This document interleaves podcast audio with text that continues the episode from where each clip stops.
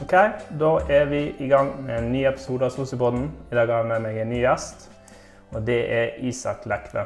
Eh, og I dag skal vi snakke om fagforeninger, så velkommen til deg. Tusen takk for det. Før vi begynner med skikkelig godsakene fagforeninger, så skal vi ha noen trivielle spørsmål, eh, som er et nytt segment vi har. Eh, er du klar? Jeg er klar. Så ville du gått en tur ut på byen og tatt et par pils, eller gått en fjelltur? Ja, eh, det er et eh, vanskelig spørsmål. Fordi eh, jeg bor jo midt i byen, så det er mye lettere for meg å gå ut og ta noen øl. Og det er jo noe man gjør for å være sosial, og det er hyggelig. Og jeg tror nok i livet mitt så har jeg nok gjort det mer enn å gå på fjellet. da. Eh, men nå for tiden går jeg veldig lite ut. Og jeg går litt på fjellet av og til. Så jeg tror jeg måtte sagt det siste eh, nå. Så, men ikke sånn superlangt. da. Jeg er ikke noe sånn veldig naturmenneske, egentlig. Men eh, å gå liksom opp på Fløyen eller på Løvstakken eller bort til Munkebotn, kanskje, det tror jeg jeg ville ha foretrukket. Ja. Og så neste spørsmål. Hvis du kunne spist middag med hvem du ville, levende eller død, eh, hvem hadde du valgt? Det er jo et helt umulig spørsmål, da. men jeg føler jeg må bruke anledningen til å løse noen av eh, menneskehetens største gåter. Og hva er de største gåtene? Hva er det vi virkelig lurer på? Altså sånn, eh, det er i hvert fall ca. halvannen milliard mennesker som tror at Jesus sto opp fra de døde. Så det hadde jo vært interessant å finne ut om han selv så på seg selv som en, en som skulle bringe frelse til folk. Eller om han, eh, altså fra et religiøst perspektiv, eller om han kanskje var en politisk opprører eh, mot romerne. Som jeg tror er mer sannsynlig, da. Eh, men det hadde jo vært greit å få avklart en gang for alle. Ja. Og hvis du skulle ha studert noe annet enn sosiologi, hva hadde du valgt da? Jeg begynte egentlig å studere historie, og det er fordi at uh, um, Egentlig så mener jeg at historie er det viktigste faget av alle fag. Uh, det er det som gjør at vi kan forstå hvorfor verden er sånn som den er. Det er det som gjør at vi kan handle på kloke måter. Det gjelder både liksom politisk, men òg i hverdagen vår. Eh, og eh, jeg tror at, eh, at liksom historiekunnskap er noe av det altfor lite av i verden, egentlig. da. Så jeg begynte på det for å forsøke å ta bedre valg, både personlig og politisk. Men jeg sluttet fordi jeg opplevde at selv om de fortalte historie, så var det ikke så veldig sånn systematisk. Sant? Altså for eksempel da, så hvis du skal ha skal lære om 1500-tallet, eh, så kan du liksom fokusere på eh, utforsking av Amerika, du kan fokusere på protestantisme, du kan egentlig fokusere på bondeopprøret i Tyskland. Eh, Du kan fokusere på veldig mye greier. sant? Og hva du fokuserer på, er jo egentlig liksom avhengig av de teoretiske forutsetningene du legger til grunn. Og det følte jeg var veldig sånn lite del av refleksjon på historien. rett og slett. Eh, det kan hende har endret seg, og det kan hende jeg bare var uheldig med faget. Men jeg føler jo at det å, å tydeliggjøre forutsetningene for at man gjør noe på en bestemt måte, sånn at en kan eh, diskutere det opp mot andre måter å gjøre det på, er veldig viktig. da. Og eh, For å gjøre det på en fornuftig måte, så trenger man jo egentlig eh, teori om mennesker, teori om samfunn. Og eh, det er jo det vi egentlig er best på på sosiologi. Så det var derfor jeg begynte på sosiologi. da, For jeg føler at sosiologi er mer en, en sånn eh, systematisk og, og analytisk måte å tenke rundt historie på. Og så er jo ikke bare altså så er jo ikke sosiologi bare historie, selvfølgelig, da, men for meg har det alltid vært det som har ligget til grunn. Så jeg ville nok ha studert historie. Kanskje jeg ikke skulle gitt opp og heller liksom sånn uh, tatt med meg sosiologien tilbake i historien. Og så har jeg også senere skjønt at det er jo en haug med historikere som jobber akkurat på denne måten. Sant? Men de brukes kanskje mer av sosiologer og samfunnsvitere enn av ja. Men uansett, så jeg tror at hvis jeg skulle valgt på nytt, så burde jeg ha valgt historie. Mm. Men jeg er veldig fornøyd med å ha valgt sosiologi. Og jeg jobber nok mye med det samme jeg ville gjort uansett. For jeg jobber jo veldig mye med norsk eh, arbeidslivshistorie, som jeg helt sikkert hadde jobbet med hvis jeg var historiker. Mm. Ja. Ok, litt mindre avansert spørsmål. Eh, tacofredag, ja eller nei? Eh, Vi eh, har tacofredag hver fredag. Og det, jeg har så bra ordning at jeg har en sønn som nå går på ungdomsskolen og, og blir 14 senere i år. Eh, så han har rett og slett fått ansvaret for tacofredagen. Så det er utrolig digg. Da kan jeg jobbe lenge, og så kan jeg komme hjem, og så lager han taco. Ja. Så det er jeg veldig fornøyd med. Anbefaler jeg til alle med barn, og de som ikke har det, å vurdere å få sånn at de kan få ferdiglaget taco hver fredag. Ja, en god ordning, det. Eh, og så er siste spørsmålet. Vil du ha sett eh, en fotballkamp eller gått på en klassisk konsert i Grieghallen? Ja, altså, eh, Det er litt sånn som det der med um, første spørsmålet. da. Jeg føler vel at jeg ikke egentlig skal si enten-eller. Men det er klart at i mitt liv så bruker jeg veldig mye mer tid på fotball enn på uh, klassisk kultur. da. Så jeg um, ser stort sett alle Brannkampene. Har parturkort på Brann stadion sammen med min sønn. Eller han fikk det til, til jul nå, da. Men vi hadde i fjor òg for å få cupfinalebillett. Og vi har sett mye kamper opp igjennom. Og uh, vi um, ser de fleste kampene til Roma, da, som vi laget han uh, følger. Og skal faktisk uh, se hjemmekamp der om litt under to uker, mot Torino.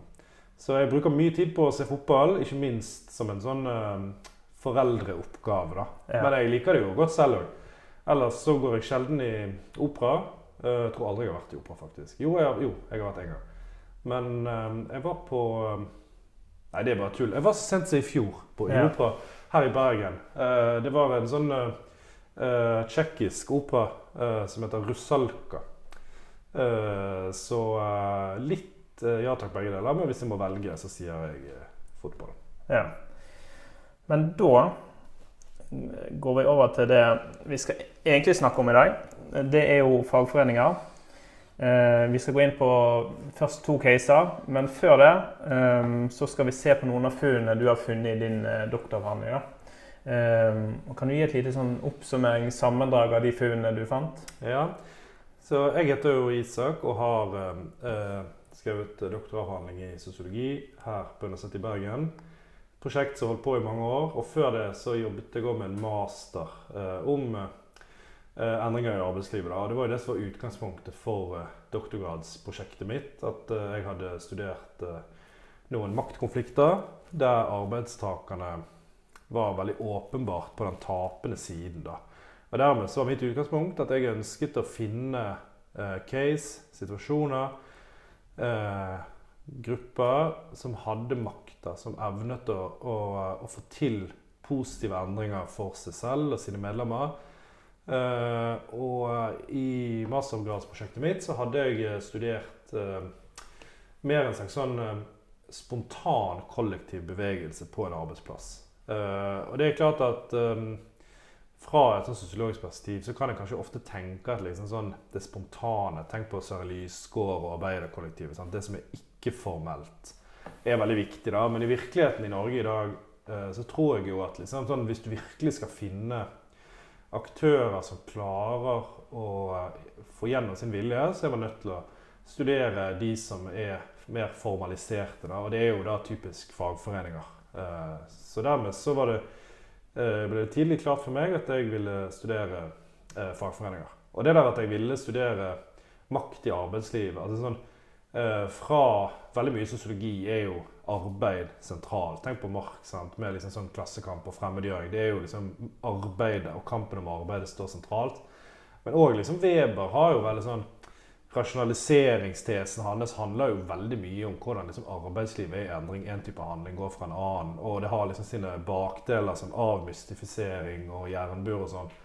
For ikke å snakke om Durkheim, sant? som har liksom sånn uh, Arbeidsdelingen i samfunnet er jo kanskje det viktigste verket hans. og liksom sånn hvordan du liksom skifter fra en type solidaritet til en annen. Og hvis ikke man klarer å liksom håndtere det, så vil uh, det gå mot anomi, da, for å si det veldig sånn enkelt. Så alt det, altså det med arbeid har alltid vært en nøkkelkategori i sosiologien. Og for min del så er det òg viktig fordi jeg er opptatt av ulikhet og opptatt av demokrati og frihet, eh, som jo er veldig sånn store ord, selvsagt. Men eh, likhet er jo åpenbart at det henger sammen med arbeid. Fordi at uh, ressursfordelingen i samfunnet uh, skjer jo i veldig stor grad gjennom lønn, og lønn får du av å jobbe. sant?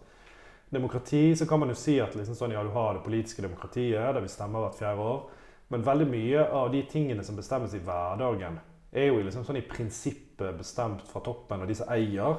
Mens i praksis er jo det mer sånn medbestemmelse på arbeidsplassene. Men det er veldig ofte avhengig av liksom maktforholdet der. da.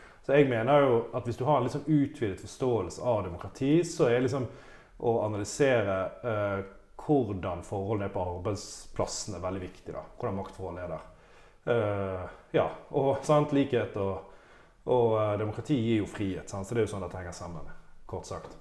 Eh, og jeg har jo også selv for så vidt jobbet eh, tidligere i Posten, der jeg opplevde en ekstrem sånn forjævlisering av eh, arbeidsplassen min på veldig kort tid. Det var når jeg gikk på videregående og litt på begynnelsen da jeg var student. så så øh, visste de at EU ønsket å åpne opp for konkurranse, så derfor så måtte de gjøre alt for å sikre seg når den konkurransen kom. da. Så da øh, satt sånne sjefer på millionlønninger der og, og kuttet og kuttet, og, og øh, gjorde at arbeidsdagene til folk ble bare verre og verre. Og sykefraværet gikk i taket, arbeidsmoral gikk i dass, mens vi som var midlertidig ansatte, vi kunne jo slutte. sant? Vi som var eh, gjorde det på siden av studier osv. Men de som hadde liksom lån og barn og, og, familie, de var mye mer låst. Sant? Og det ble veldig sånn eh, Ja, det ble en dødsspiral, rett og slett. Og, eh, og for min del så var jo liksom det der å, å, å forstå eh, Hvordan kunne man ha gjort motstand? Hvordan kan man gjøre motstand? Hva er det som gjør det, liksom? Eh, hva er betingelsene for det? Så det var mye av mitt utgangspunkt. da, Å forstå liksom sånn betingelsene for motstand, betingelsene for utjevning av makt i arbeidslivet. Uh, og som jeg sa, da ønsket jeg å finne noen positive case. Vi har jo sånne ulike utvalgsstrategier. Sant? Og en av de er jo å finne liksom ekstremcasene. Uh, så jeg gikk i gang med det. Fant en del case uh, fra det som jeg antok var suksesshistorier. Og så var jo det sånn at det viste seg at flere av de, selv om de kanskje hadde vært omtalt i aviser på en positiv måte, eller en av de hadde jeg hørt om på en konferanse i Wien til og med ble framstilt som sånne hvordan fagforeninger uh, hadde positive virkemidler i møte med liksom, en globalisert kapitalisme. Men når det kom til stykket, så viste det seg at flere av disse det skal vi jo snakke om etterpå, var mindre positive. da. Og Dermed så endret jo òg liksom, prosjektet seg litt fra å se på betingelsene for positive motstandsfortellinger til å også se på strukturene. da. Så uh, Det eh, prosjektet mitt endte opp med å handle om, det var dermed todelt. Det var både å se på hvordan disse fagforeningene selv bidrar til å bygge motmakt. Uh, og da er jo det sånne ting å prøve å forstå hva type ressurser de har, hva type kompetanse de har, hva type nettverk de har osv. Hva er det for en historiefortelling de benytter seg av. Uh, men også å forsøke å forstå den strukturen sant, og de institusjonene som de jobber innenfor, og hvordan de opplever at de liksom virker mot eller med dem. Så dermed så var prosjektet mitt todelt. Eh, og det mm, endte opp i eh, noen konklusjoner som jeg har formulert i teser. En tese er jo liksom en slags påstand. da. Så det betyr at uh, min avhandling uh, peker i en retning, men det er klart jeg sier jo ikke at uh, Norge er sånn som dette. Jeg sier at min avhandling peker i en retning, eller at vi bør undersøke det mer. Og Det er fem teser. og Den første av de er at på grunnplanet i norsk fagbevegelse så finnes det en utpreget organisatorisk vitalitet. Og Det er jo litt sånn som jeg sa, sant, at når jeg var ute og så på en del caser I begynnelsen så jeg selvfølgelig etter vitale caser, men etter hvert så så jeg på andre ting òg. Og, eh, og, de var preget av det. Så I den internasjonale litteraturen så pleier man å si at fagforeninger stagnerer fordi de blir liksom byråkratiske og de kommer for tett på makten osv. Og, så og det skjer helt sikkert i norsk fagbevegelse også, men, men, eh, det skjer lite, i hvert fall der som jeg studerte. Og jeg tror egentlig det skjer veldig lite på grunnplanet generelt, og at det er mer et problem eh, på Youngstorget og på toppene. Så det var første tese, da, at på grunnplanet fins det mye vitalitet. Så det Dermed skulle man jo tro at det var eh, gode vilkår for å bygge motmakta. Um, og så er den andre tesen at uh, likevel så foregår det gradvis maktforskyvning fra arbeidstakere til arbeidsgivere i norsk arbeidsliv. Så det betyr at den vitaliteten som jeg har funnet, og som jeg eh, tror det er mye av, det er ikke nok da, til å hindre at det skjer en gradvis maktforskyvning. Og Den tredje tesen det er at uh, den maktforskyvningen ikke egentlig skyldes fagforeningene selv, sånn direkte i hvert fall, men skyldes liksom større sånne strukturelle endringstendenser. Og Jeg har oppsummert de, og dette er jo liksom ikke noe sånn hokus pokus, da, men kanskje liksom Jeg eh, liker å lage sånn tredelinger, så jeg har kalt det for internasjonalisering. Og um, så har jeg kalt den andre for reorganisering, og den tredje for prekarisering. Så det er jo liksom jeg har tre sånne fine ord som slutter på ing. Uh, det styrer seg veldig bra i forskning. Uh, og da er jo det litt sånn selvforklarende hva det er. da. Altså, men internasjonalisering handler jo om hvordan det norske arbeidsmarkedet blir i mye større grad en del av et internasjonalt arbeidsmarked. Både på den måten at det kommer arbeids takere fra andre land, spesielt Øst-Europa, og sånn, men òg hvordan liksom, internasjonal lovgivning bidrar til å endre spillereglene. Sant? Og internasjonalt eierskap blir det stadig mer av. Sant? Det er jo mye i debatten nå òg. Um, ehm, som tar med seg det med ny kultur osv. Reorganisering handler om hvordan organisasjonen endrer seg. Sant? Så hvis du tenker liksom tilbake 100 år, så tenker vi at sånn, det står en fabrikk på et nes. Og der eier sjefen alt, liksom. Og renholderne er fast ansatt der. Og det er også de som jobber i produksjon. Mens nå så er det mye mer sånn flytende. sant? Eh, organisasjonene stykkes opp, og flere av prosessene blir liksom outsourcet til andre. og og, og, dette henger veldig tett sammen med en type ledelse som har fått stadig mer fotfeste i Norge. Eh, som eh, ja, kanskje i mindre grad tenker på de ansatte som ressurser, og i større grad tenker på det som liksom, sånn, noe du må eh, få mest mulig ut av. Da. Og hvis du kan få få de til å produsere mest mulig med minst mulig lønn, så er det best. Sant? Uh, så det er jo veldig knyttet til sånn HR-tenkning. Um, og så er den tredje tendensen, det henger litt sammen med dette, da, det er det som jeg kaller for prekarisering. og Det handler jo om hvordan den faste relasjonen mellom den ansatte og arbeidsplassen blir litt sånn løsere. Da. Og det gjelder jo selvfølgelig uh, det at det er en del som uh, kanskje er ansatt i sånne outsourcede virksomheter, som jeg sa, men det kan òg handle om at de er midlertidig ansatt, eller at de er selvstendig næringsdrivende. Sant? At de er enkeltmannsforetak, som vi har sett mye i offentlig velferd. Eh, eller det som de er mest opptatt av, er jo at de er innleid fra bemanningsselskaper. Så da har de eh, for så vidt kanskje en fast eh, relasjon til et selskap, men det er ikke det samme selskapet som de jobber i. Så det gjør det liksom mer flytende. Sant? Hvem er det du skal organisere deg sammen med, blir et spørsmål. Eh, hvor stiller du kravene? Og ikke minst er det gjerne en utfordring at de du egentlig ønsker å stille kravene til, hvis du gjør det, så kan de eh, be din juridiske arbeidsgiver om at de folkene her vil ikke være tilbake. Um, så disse tre tendensene her da, gjør hele det der arbeidet med å uh, rekruttere medlemmer og bygge tariffavtaler og stille krav vanskeligere. Så det var den tredje tesen. Det er den jeg sier mest om. Da, for det er jo kanskje det som har endt opp med å være det som er viktigst her. da. Uh, og så uh, har jeg den fjerde tesen. Den sier at den norske arbeidslivsmodellen er i forvitring. Og Det baserer seg på uh, sånn, ikke noe radikal teori om den norske arbeidslivsmodellen, men det er vanlig å si at det baserer seg på ulike sånne pilarer, og at en av de er at maktbalansen mellom partene er noenlunde likeverdig. Så Dermed er det ganske åpenbart at hvis den blir forskjøvet, så vil det kunne bidra til at modellen forvitrer. Da. Eh, og det er jo paradoksalt, ikke minst eh, fordi at i norsk offentlighet så eh, virker det som om i tråd med at grunnlaget for modell forvitrer, så styrkes den offentlige fortellingen om hvor bra han er. Så det har jeg faktisk skrevet litt om òg i avhandlingen. Og Dermed så kan vi konkludere med en femte tese, som også er egentlig tittelen på avhandlingen min. da, Den er 'Som Sisyfos faglig motmakt i det nye arbeidslivet'. Så det å bygge faglig motmakt i dagens Norge, i det nye arbeidslivet, er et Sisyfos-arbeid. Som da henspeiler på denne greske myten eh, om Sisyfos som ble dømt av gudene til å alltid rulle en stein oppover en bakke, og så faller han ned igjen. Eh, så det er litt sånn eh, oppsummert om både bakgrunn og, og hva jeg har kommet fram til. da. Ja. Og da skal vi videre til en av casene Uh, vi begynner med en som uh, en positiv en, kan vi si det. En av i hvert fall mest positive. Vi skal til Skien og til Skien-modellen. Og Der er det fagforeninger som har brukt uh, mye virkemidler. Politisk, media, egentlig nesten alle mulige virkemidler som finnes for å få gjennom noe viktig. Da.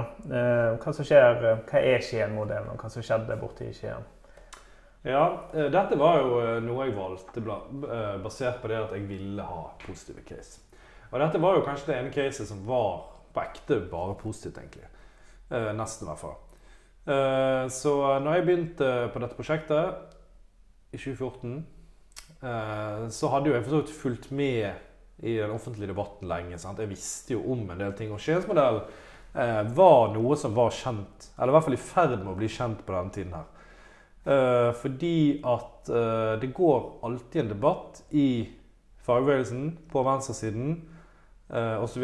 om eh, man er nødt til å melde Norge ut av EØS for å liksom, ordne opp i arbeidslivet. Og da var det sånn at En del av de som mener at vi ikke trenger å melde oss ut av EØS, de pekte nettopp på Skiensmodellen som et typisk eksempel på et virkemiddel man kunne bruke for å rydde opp, uten at man egentlig gjorde noe med den tilknytningen, og, altså handelsavtalen. og det er jo selvfølgelig interessant, uansett hva du mener om EØS-spørsmålet. Både så er det interessant ok, hva er det man konkret gjør, og så er det interessant hvordan man fått det til? Uh, og, um, så jeg ønsket jo for så vidt å finne ut av begge deler. Da. For å si først hva det er for noe. Uh, så er Skiensmodellen uh, det er en slags avtale som Skien kommune laget med fagforeningene der, med Fellesforbundet og med arbeidsgiverforeningene. Ganske tverrpolitisk støtte til, faktisk. og i den så sier man at når Skien kommune gjennomfører større prosjekter, så skal det være en del kriterier som ligger til grunn eh, når de kjøper tjenester. Sant? Det er jo typisk Hvis du bygger en skole, så kjøper du først liksom en tjeneste fra en entreprenør. Sant? Og så er det en del andre ting òg. Ok, Den entreprenøren de ville kanskje for å få prisen ned For det er jo typisk egentlig at kommuner liksom sånn har et anbud og så får lavest pris. sant? Eh, så For å få prisen ned så vil de typisk outsource en del arbeid. De vil kanskje outsource Eh, noe til et murfirma, og noe til et rørfirma, og noe til noen andre. Men så vil kanskje disse igjen outsource, for også de er på anbud. sant? Og, og, og, og, det blir fort ganske mange ledd. da, Og nederst i alle disse leddene her så er det sånn arbeidsformidling. sant? Eller be, be, bemanningsselskaper som bare leverer i stort sett ufaglært arbeidskraft. da. Eh, og det som man veldig ofte ser, det er at selv om kravene på toppen er seriøse, Eh, så lenger ned i kjeden så blir det mindre og mindre kontroll og mer og mer useriøst. Eh, og Det har vi hatt mange eksempler på i Norge. da. Eh, både offentlige og andre presumptivt seriøse private selskaper er det mye av dette. Så når jeg pusset opp badet, så, så ringte jeg til forskjellige selskaper. Og så sa jeg at jeg, det, pris er selvfølgelig viktig, men det viktigste for meg er at dere har tariffavtale og et skikkelig skikkelige forhold. Men selv da følte jeg, når, det, når jeg liksom, ja, ja, alle sa de hadde det, liksom. Men selv da følte jeg at når det faktisk kom folk hjem til meg, så ble jeg veldig usikker. Er dette egentlig liksom, det selskapet jeg har bedt om, eller har de òg satt dette ut? liksom? Mm. Uh, så det jeg gjør nå, det er at jeg alltid ringer til fagforeningene selv da, og får selskapene de anbefaler. Men uansett, det er jo, liksom, hva vi gjør i privatmarkedet, er jo en liten ting. Sant? Men hva Skien kommune eller mm. disse store aktørene gjør, er ganske viktig. Um, og de um, ble enige om, for det første tror jeg kanskje det viktigste skal være begrensning på antall ledd. Det skal være forbudt med en haug med ledd. Sant? Så du kan ha to ledd. Mm. Uh, en ting, og så en annen ting, så De ble enige om det at alle som gjør oppdrag, de må være lærlingbedrifter. Ja, det uh, høres jo litt rart ut, kanskje. Sant? For det opplæring inn i yrket, hvorfor har det med sosial dumping å gjøre? Det har med sosial dumping å gjøre fordi at skal du være en godkjent sånn lærlingbedrift, Eh, så må det være liksom skikkelige forhold. egentlig. Det må være noen som gjør den jobben med å opplære dem. Det må være noen som har kunnskap. Det må være noen som er fast ansatt der over en viss periode. Altså det, det, er en del sånne greier som gjør at det er en veldig god indikator på om det er skikkelig eller ikke. Plutselig sant, så kunne ikke du øh, vinne sånne anbud og så bare basere deg på en masse underleverandører uh, med egentlig ganske useriøse greier. Du måtte dokumentere. Selvfølgelig mange jukser uansett, men måtte kunne dokumentere at du var en opplæringsbedrift. da. Eller eventuelt hadde en avtale med en. Uh, og så er det en del andre ting, da. Men poenget var i hvert fall at man brukte den innkjøpsmakten som det offentlige har, for å uh, luke ut de useriøse. Og det, um, I dag så syns jeg når jeg snakker om dette nå, så høres jo utrolig lite radikalt ut. da. Men det var jo litt radikalt den gangen der. sant? Og det er jo pga. Liksom denne tenkningen om at de offentlige midlene er jo våre midler, som vi har gitt i skatt, og vi bør ikke sløse for mye. Sant? Der er jo hele tiden en debatt om hvordan skal du bruke pengene til, eh, til kommunen og staten. Eh, men i dag så tror jeg de fleste vil være enige om at dette var fornuftig. Da. Og først så gjorde Skien det. Så gjorde Telemark det. Kopierte det mer eller mindre. Sant? Det er jo typisk, det er jo tette forhold mellom, mellom eh, kommuner og fylkestingspolitikere, typisk, med nivåene i fagbevegelsen. Og så etter hvert så begynte flere andre kommuner eh, styrt av rød-grønne politikere da, å se på dette her og liksom kopiere det. Og nå har jo regjeringen faktisk eh, et arbeid gående med en sånn norgesmodell. Og jeg hørte nettopp det var vel i forrige uke, at ESA, som er EØS sitt sånn overvåkningsorgan, eh, har på en måte eh, godkjent det. da. Så det, betyr at da kommer det sikkert Stortinget eh, i løpet av våren, vil jeg tro. da. Eh, så dette er jo liksom sånn en, en, stein som begynte å rulle motsatt av eh, Altså en snøball da, som bare var blitt større og større. Og da, så det var riktig at det var en veldig positiv case. Og så var jo spørsmålet hvordan fikk de til dette? Um, og eh, det de gjorde, det var jo at som alle andre i bygge og bygg og anlegg og industri osv., så, videre, så var jo de veldig preget av uh, masse useriøse selskaper, som sagt. Uh, og de som jobbet i Fellesforbundet i Skien, de reiste rundt, prøvde å dokumentere det, selvfølgelig. Fikk lite gehør. Uh, men de gjorde et par ting som var veldig viktige. Da. For det første så tror jeg det krever veldig mye kunnskap. Altså, du må kunne dra ut på en arbeidsplass og ganske raskt skjønne hva er det som er galt her.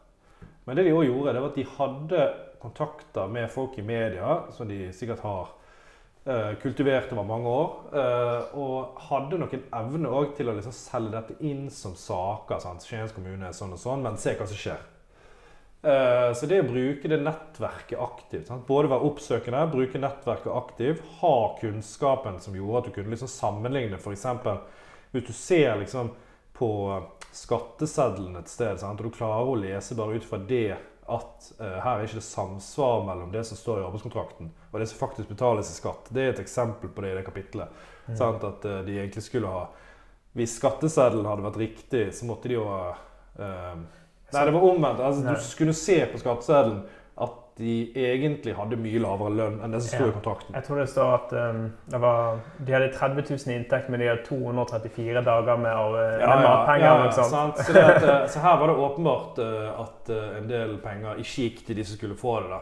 Så Hvis du klarer liksom å grave i sånne ting, reise og finne ut av det, og så kan du selge inn til media, få oppslag, sant? oppslag som typisk henger ut politikerne og I tillegg så var de strategiske på den måten at de ikke bandt seg til Arbeiderpartiet. Det er jo klassisk at uh, fagbevegelsen gjør det, men de brukte liksom hele spekteret, inkludert Frp, høyresiden. Mm. sant? Uh, som jo, når sånne ting som dette settes på spissen, typisk vil velge å være uh, på riktig side ofte, da, lokalt i hvert fall. Så det, jeg tror at den kombinasjonen av å bruke liksom, dybdekunnskap, være proaktiv, benytte seg av media og uh, ikke minst uh, være fleksibel i forhold til liksom, det politiske systemet, da, gjorde at man klarte etter hvert å få til dette her. Etter selvfølgelig mye motstand og frem og tilbake mm. først.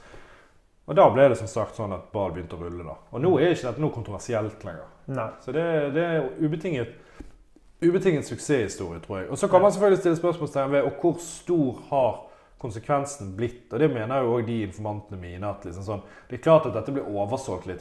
Sant? Det er masse greier som ikke er bra. Mm. Og det gjelder liksom alle de stedene der man har adoptert dette. Men det var et tydelig skritt i riktig retning. Mm. Eh, og um, ja, hvis man ønsker liksom et uh, ordentlig arbeidsliv, i hvert fall. Ja, så var det jo, altså Arbeidsgiverforeningene var òg med på denne snøballen. For de så kanskje de konsekvensene av det som de hadde skapt, da, på en mm. måte, hvis du ikke eller bedriftene. da. Ja, altså det som er, det er at I arbeidsgiverforeningene så er det også ulike interesser. Sant? Så det at På ene siden så har du NHO Handel og Service, som organiserer innleieselskapene. og De vil egentlig at det skal være minst mulig regulering og mest mulig eh, midlertidighet og innleie og, og hele pakken. Da. Og de, de, er på den ene siden, og jeg vil si at de i hovedsak styrer NHO, NHO nasjonalt. da. Men så har du òg sånne organisasjoner som Byggenæringens Landsforening. og De er mer varierende, hva mener, men de eh, har fagbevegelsen ofte klart å få eh, som en medspiller her. For de ønsker jo at de der entreprenørselskapene eh, som er deres medlemmer, skal kunne overleve. Skal kunne ha en framtid. Og da kan ikke de bli utkonkurrert av sånne skallselskaper som bare leier inn alt. som er, mm. ja. Så det, det, er riktig, de klarte det, men, eh, men også der var du litt sånn skeptisk i begynnelsen. Men etter hvert så har man fått til det. Og i dag så tror jeg at selv om NHO nasjonalt eh, er nok ikke en medspiller i disse spørsmålene her, så tror jeg aldri de ville sagt noe negativt om det heller. For det, det, har de skjønt at liksom sånn, det, det, går ikke. Og når nå regjeringen eh, kommer på banen med disse tingene her, så, så, er liksom deres strategi mer å forsøke å vandre det ut enn å si nei til det. Ja. Så, det liksom, eh, så her har ting endret seg. Ja. Mm. Og så skal vi over til neste case. Ikke fullt så lykkelig, holdt jeg på å si. Vi skal til Sotra, til Sekkingstad AS. Til et selskap som driver med fiskepakking. Og der er jo det strukturelle maktforholdet mellom arbeidstaker og arbeidsgiver ganske skjevt. Hva som skjer ute på Sotra og Sekkingstad? Hva som skjer nå, er et godt spørsmål. Ja. Men, men, eh, nei, det er jo eh, kanskje det mest negative caset. Og det valgte jeg heller ikke basert på at det var liksom positivt. Så, det valgte jeg fordi jeg hadde egentlig holdt på med dette her i noen år. Og så ble jeg kontaktet av en av de informantene mine som sa det at nå skjer det ting ute på Sotra. Svær bedrift, 100 ansatte. De skal i streik.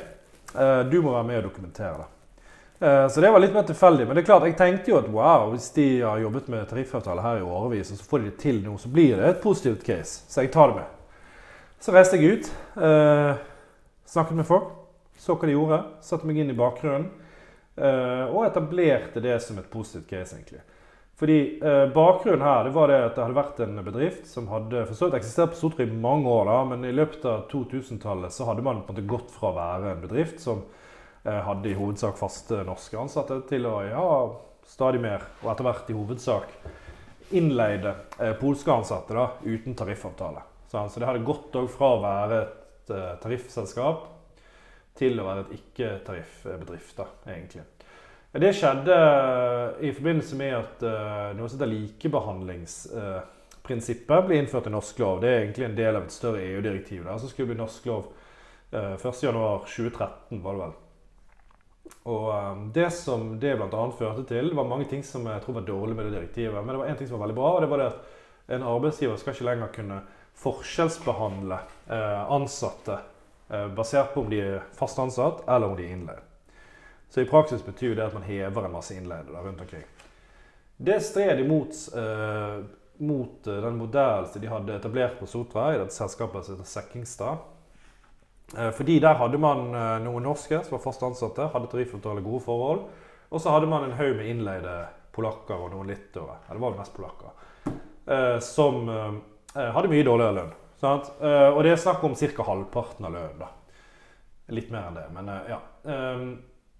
Så uh, når de plutselig nå måtte få samme lønn som de norske, så så jo da ledelsen i et selskap at ok, det kommer til å ta overskuddet. Hva kan vi gjøre for å fortsette denne modellen her? Det har jo de norske hos oss vært fornøyd med. Så de startet med å kontakte NNN, som er en forkortelse for Norsk nærings- og nytelsesmiddelforbund. Som er et selskap, nei, en fagforening som organiserer i eh, fiskeforedling i industri, men òg liksom Tine og egentlig all sånn nytelsesmiddelindustri i Norge. da, Og er med i LO. Um, og de, når de fikk høre dette her litt mer sentralt, at det hadde vært sånn forskjellsbehandling, så avviser de det blankt. Sant? For de har jo veldig det prinsippet at folk skal behandles likt. Ellers så undergraver vi vår egen styrke på sikt. Men det er jo òg et sånn eh, allmennmenneskelig, filosofisk perspektiv bak. Så det sa de nei til. Det bedriften da gjorde, det var at de ga seg ikke. Så de gikk til et uh, internasjonalt uh, konsulentselskap, PwC, som sikkert folk kjenner. Som, uh, som alle sånne internasjonale konsulentselskap så opererer de på ulike måter i ulike land. Men det er klart i USA så har de lang erfaring med å drive med sånne Skape ulike bedriftskonstruksjoner da, for å komme unna lover og regler. Så de spurte de rett og slett kan dere komme opp med en modell for oss som er lovlig innenfor de nye reglene, som gjør at vi kan fortsette å forskjellsbehandle. Det klarte de uten noen store problemer. Eh, så um, det som ble løsningen, det var å, um, etablere et nytt selskap i Polen. Legge ned all produksjon internt i Sekkingstad, outsource alt sammen til dette nye selskapet. Lage en kontrakt mellom de to der man eh, sier at dere, det nye selskapet i Polen, dere gjør det fysiske arbeidet i fabrikken hos oss med, våre, med våre, vår fisk, med våre maskiner. Eh, i våre lokaler med våre arbeidsledere for denne prisen. Eh, og så tar dere over våre arbeidere. Eh, og da kan dere forskjellsbehandle der nede, og så setter vi liksom den prisen, de pengene vi overfører inn i dette nye selskapet Norse Production, slik at det blir nok til å lønne de sånn som de har blitt lønnet nå, og litt til deg som sjef, som skal få en god belønning for dette. Men ikke noe mer. Uh, så dermed, det man gjorde, altså, man la ned uh, bedrift, nei, produksjonen i, egne, i, det egne selskapet, og dermed transformerte man det selskapet til å være fra å være en produksjonsbedrift til å bli mer et sånn grossistselskap sant? som kjøper fisk og selger den foredlet og setter merkevaren sin på. Uh, og som har en relasjon til produksjonsselskapet, som var registrert der. Dette var de veldig fornøyd med, og så fornøyd at de reklamerte for det i Sjømat Norge, som er jo uh, arbeidsgiverorganisasjonen for fiskeforedling i Norge. Og de um, fikk masse positiv oppmerksomhet i Bergens Tidende. De fikk skryt av Dagens Næringsliv, der de fikk sånn gasellepris for et av de selskapene med best økonomisk utvikling osv. Og disse arbeiderne da, som hadde jobbet i Sekkingstad, de på sin side, de fikk oppsigelse i posten en uke før julaften i 2012 med ny arbeidskontrakt fra. Så de ble liksom tvunget over i det nye selskapet. Da forsvant jo tariffavtalen, selvfølgelig. Men de norske de ble, de ble, overført, men de fikk i hovedsak beholde de samme lønnsforholdene. For poenget her var jo fortsatt forskjellsbehandlingen. Eh, så de kunne sikkert gått inn og lønt de norske lavere da, men da ville du skapt mer bråk òg. sant. så det gjorde de ikke. NNN ble forbannet, selvfølgelig. Prøvde ganske raskt å eh, organisere dette nye selskapet Norse Production. Det sier jo forresten noe om liksom strukturen, sant? bare at det er lov å gjøre dette. Fikk masse medlemmer der, for så vidt. Svaret fra denne arbeidsgiveren i Norse Production var å kalle alle inn på møte med under fire øyne på kontoret. Uh, en av de som var dum nok til å si at han var medlem i fagforeningen, David Jania, han ble uh, beleilig nok uh, loset ut av selskapet gjennom at kontrakten ikke ble fornyet. For de var jo på midlertidige, mange av disse. Så hele det initiativet fra NNN om å forsøke å få organisert bedriften falt i fisk. I stedet så prøvde de å bruke dokumentasjon på arbeidsforholdet der til å få allmenngjort tariffavtale i bransjen. Det betyr at man bruker det som er eh, en tariffavtale fra en annen bedrift i bransjen, og forsøker å få den gjeldende som minstenivå i hele bransjen. Sant? Eh, egentlig så er det sånn i Norge at vi ikke har minstelønn, så det er lovlig å lønne folk så lavt man bare vil, eh, så lenge de aksepterer det. Men hvis man får allmenngjøring, så setter man et lønnsnivå som lov. Argumentene mot å gjøre det på den måten, det er jo òg at de som da jobber i selskaper der det ikke er tariffavtaler, får kanskje mindre grunn til å organisere seg. sant? Altså fordi de får jo den lønnen uansett. Så fagbevegelsen har alltid vært litt sånn ja, Det har alltid vært debatt i fagbevegelsen da, i hvor stor grad man skal bruke eh, den type virkemidler. Og helst så har jo fagbevegelsen i Norge ønsket å ha en hånd på rattet eh, i lønnsdannelsen selv. Sant? De har ikke hatt lyst til at regjeringen og Stortinget skal vedta minstelønner. Men her har de for så vidt en viss hånd på rattet, da, for det er jo de som forhandler de andre tariffavtalene. Men det er klart sant, at hvis dette er liksom, en svekkelse av fagbevegelsen i en bransje over tid, eh, så vil jo også disse allmenngjorte avtaler bli dårligere. Da. Så det er ikke liksom sånn eh, verdens beste fiks, men det er i hvert fall en fiks. Eh, når de leverte eh, søknad til denne allmenngjøringsnemnden der det sitter liksom noen eksperter og noen fra arbeidstakersiden og noen fra arbeidsgiversiden og bestemmer om det skal bli allmenngjort eller ikke. Så eh, dokumenterte de at det var nødvendig eh, nesten utelukkende gjennom å bruke arbeidsforholdene på eh, Norse Production, eller i Senkingstad. Um, for de var, var så ille. Uh, så jeg tror av Nå husker ikke jeg liksom akkurat tallet, men la oss si at ca. 350 sider, så var 250 basert på denne bedriften. Da. Så det var veldig overveldende mye. Uh, og det fikk de til. Det ble allmenngjort. Uh, men selv om det ble allmenngjort, så var det ikke sånn at alt ble bra der. Det er klart, Disse arbeiderne fikk en lønnsøkning, men um, det var likevel mye som var dårlig inne i selve selskapet. Og et par av de arbeiderne de sendte et sånt brev til Arbeidsdepartementet og LO osv. Der de skrev det at han, sjefen vår han har kanskje fått pris fra Dagens Næringsliv om at han er en god eh, arbeidsgiver god til å tjene penger, men han burde egentlig fått en pris av en fyr i lenker fordi han har klart å reintrodusere slaveleiren eh, som fenomen i norsk arbeidsliv. På sånn Google Translate norsk. da. Uh, så, så, det var mye misnøye og mye som var dårlig der. Ikke minst liksom en veldig autoritær lederstil, der de drev og spilte tysk marsjmusikk uh, under produksjonen og sånn. Men um, Så viste det seg jo at uh, også skiftordningene var ulovlig. Skiftordning det er sånn at uh, hvor mye du skal jobbe før du skal ha fri, og hvor lang, lange liksom sånn lengre arbeidstidsordninger du skal ha før du er nødt til å ha hviletid. Sant? Tenk på de som jobber på plattform. De har typisk sånn to uker på, to uker av, eller et eller annet i den duren der. Og det ønsker jo veldig mange av disse polakkene også, sant? for å kunne reise hjem til familien sin. Det viste seg at det var ulovlig. Bedriften kom opp med noe nytt som var lovlig, da, men som ble veldig upopulært. Og da fikk man i løpet av våren 2017 um, ehm, veldig mange av de som var ansatte der, på nytt til å melde seg inn i fagbevegelsen. NNN og LO de skjønte jo at ok, her er muligheten, her kan vi få en tariffavtale. Det kan være et gjennombrudd. Det er viktig, for hvis ikke så vil jo kanskje uh, denne forretningsmodellen spre seg. Og så er det selvfølgelig viktig for de folkene der. Og vår troverdighet osv. Så, videre. så de brukte da disse nye medlemmene til å kreve tariffavtale. Bedriften nektet selvfølgelig, for den var jo skapt for å hindre sånne ting. Uh, og det ble streik høsten 2017. Det var da jeg ble invitert med ut.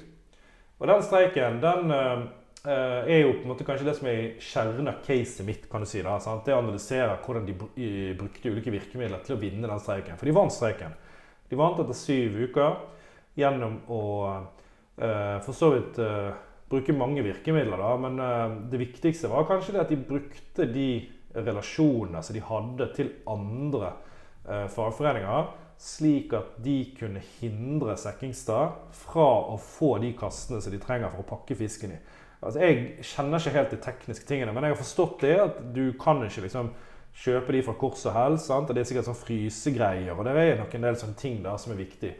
Uh, så når de et selskap til Diakon da, som rett ved siden av, eller ligger rett ved siden av ute på Sotra når de sa at vi kjører en uh, solidaritetsstreik, så uh, aksepterte Nars Production uh, tariffavtalen etter ca. syv uker. Og Dermed var det en seier, kan du si, og, og, ble behandlet på den måten av meg i ting jeg skrev bl.a. i BA. Uh, men så gikk det noen måneder, og i april dette var i oktober, da, egentlig. Eh, og i april så slo de eh, hele Norse Production konkurs.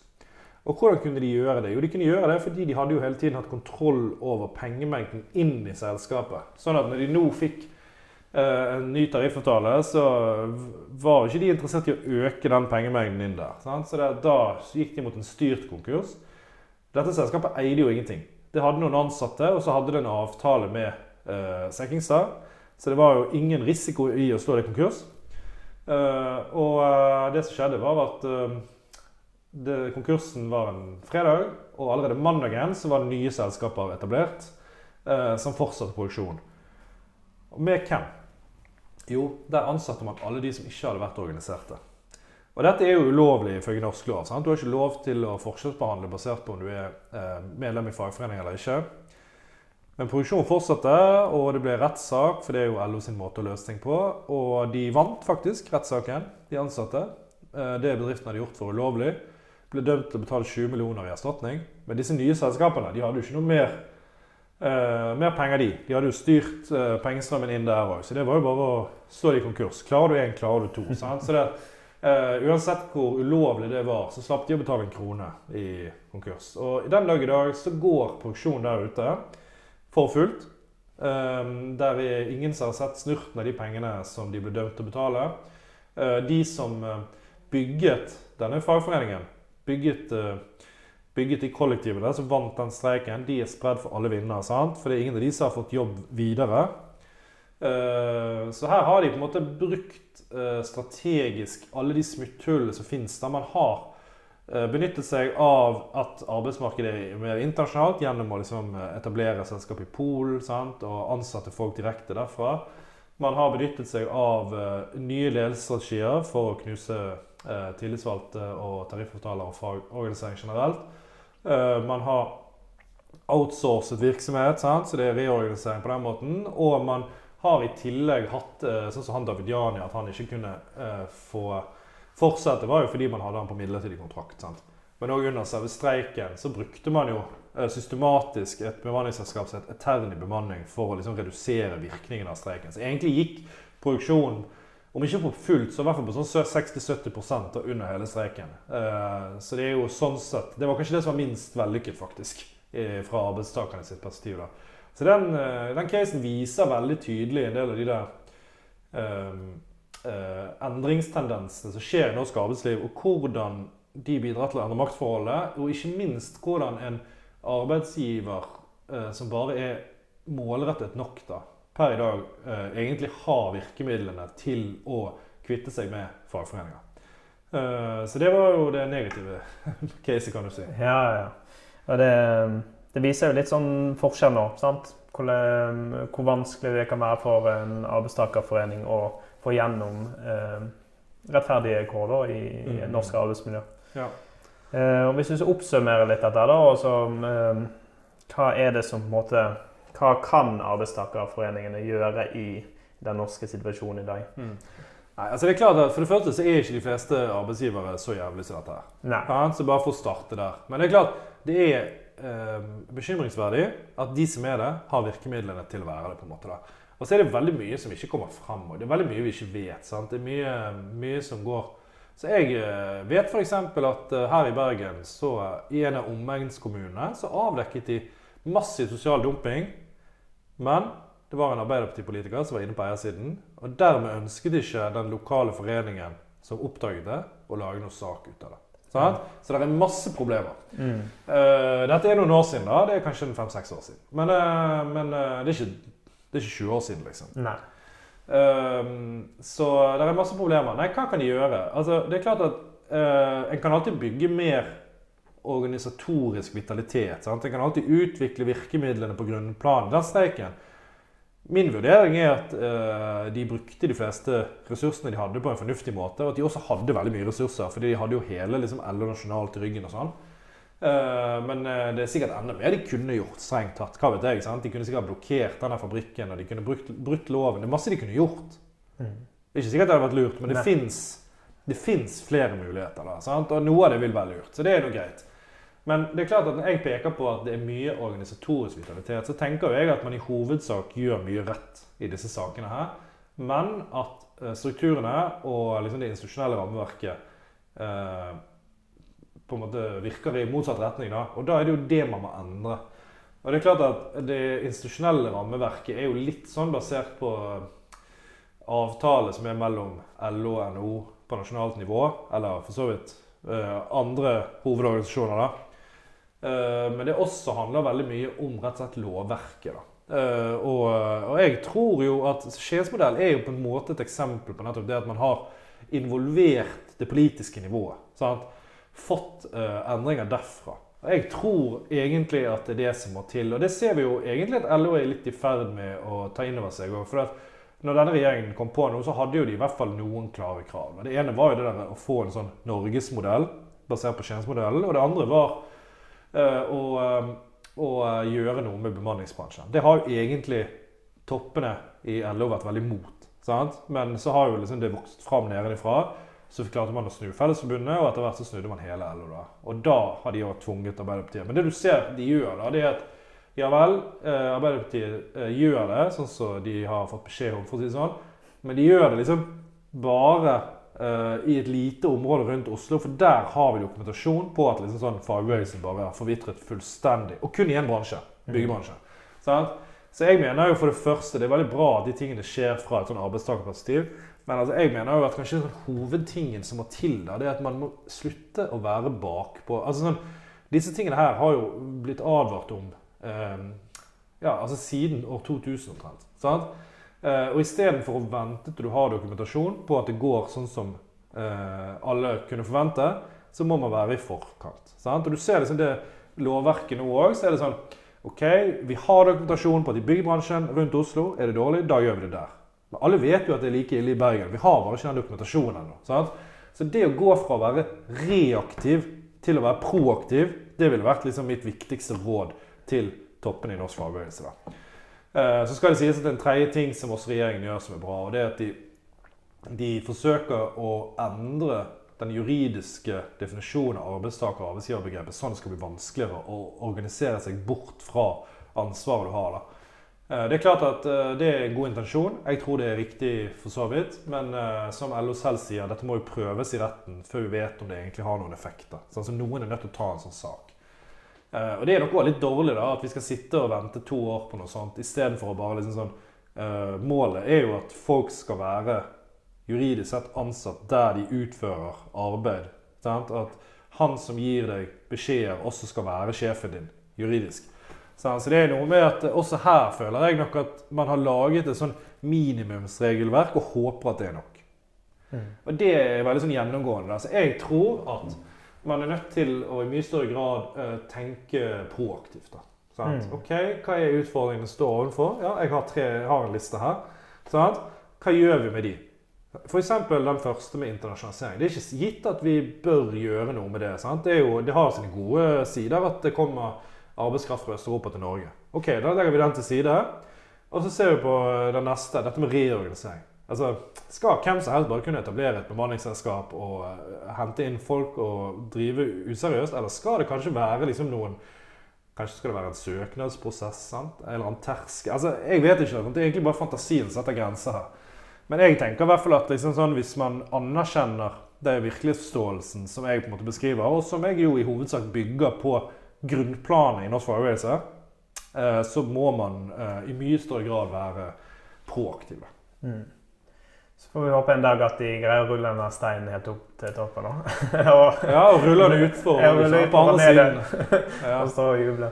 Ja, nei, det, det Altså eh, rulle den Det som er viktig, er jo at man opplever at eh, man styrker sine posisjoner. Da. Mm. uh, ut fra de målene som er. Og det, det må jo bety sånne ting som at eh, det å ha en helt vanlig jobb i Norge, eh, det må være noe du kan leve av. Sant? Det må være OK. Eh, det må være trygt. Du må ha liksom trygghet for at ikke du blir satt, sagt opp hvis du er syk osv. De fleste av oss har det, men ikke alle. Sant? Så det er liksom noe med å OK, i dag er det ikke sånn for alle. Vi må komme dit at alle har det. Sant? Ja. Så det er en del sånne stolper som det. da. Hvordan får vi til det? Jo, vi må styrke eh, organisasjonen sin makt. Mm. Nei, det, Ja. Så det er kanskje ikke rulla over. Det hadde vært det beste, men i hvert fall liksom sånn, komme litt lenger opp. Ja, det er litt lenger opp. Og unngå at han hele tiden faller ned igjen. Sant? For det er, Ja. det, det, er det, som gjør at det bildet er bra. For det som skjedde på Sekkingstad, var jo at man rullet opp denne Mm. steinen, og så ramler han helt ned til bøen igjen. Mm. Og det skjer to ganger. Sant? Eh, så um, Og det virker nesten som de kunne holdt på i evigheten. sant? Ja, Sånn vanskelig, vanskelig å vite. Ja. Jeg håper jo at de på et eller annet tidspunkt kommer i gang på nytt da, og gjennom å bruke liksom nye virkemidler. Eh, ikke minst gjennom det nye regelverket som er kommet nå.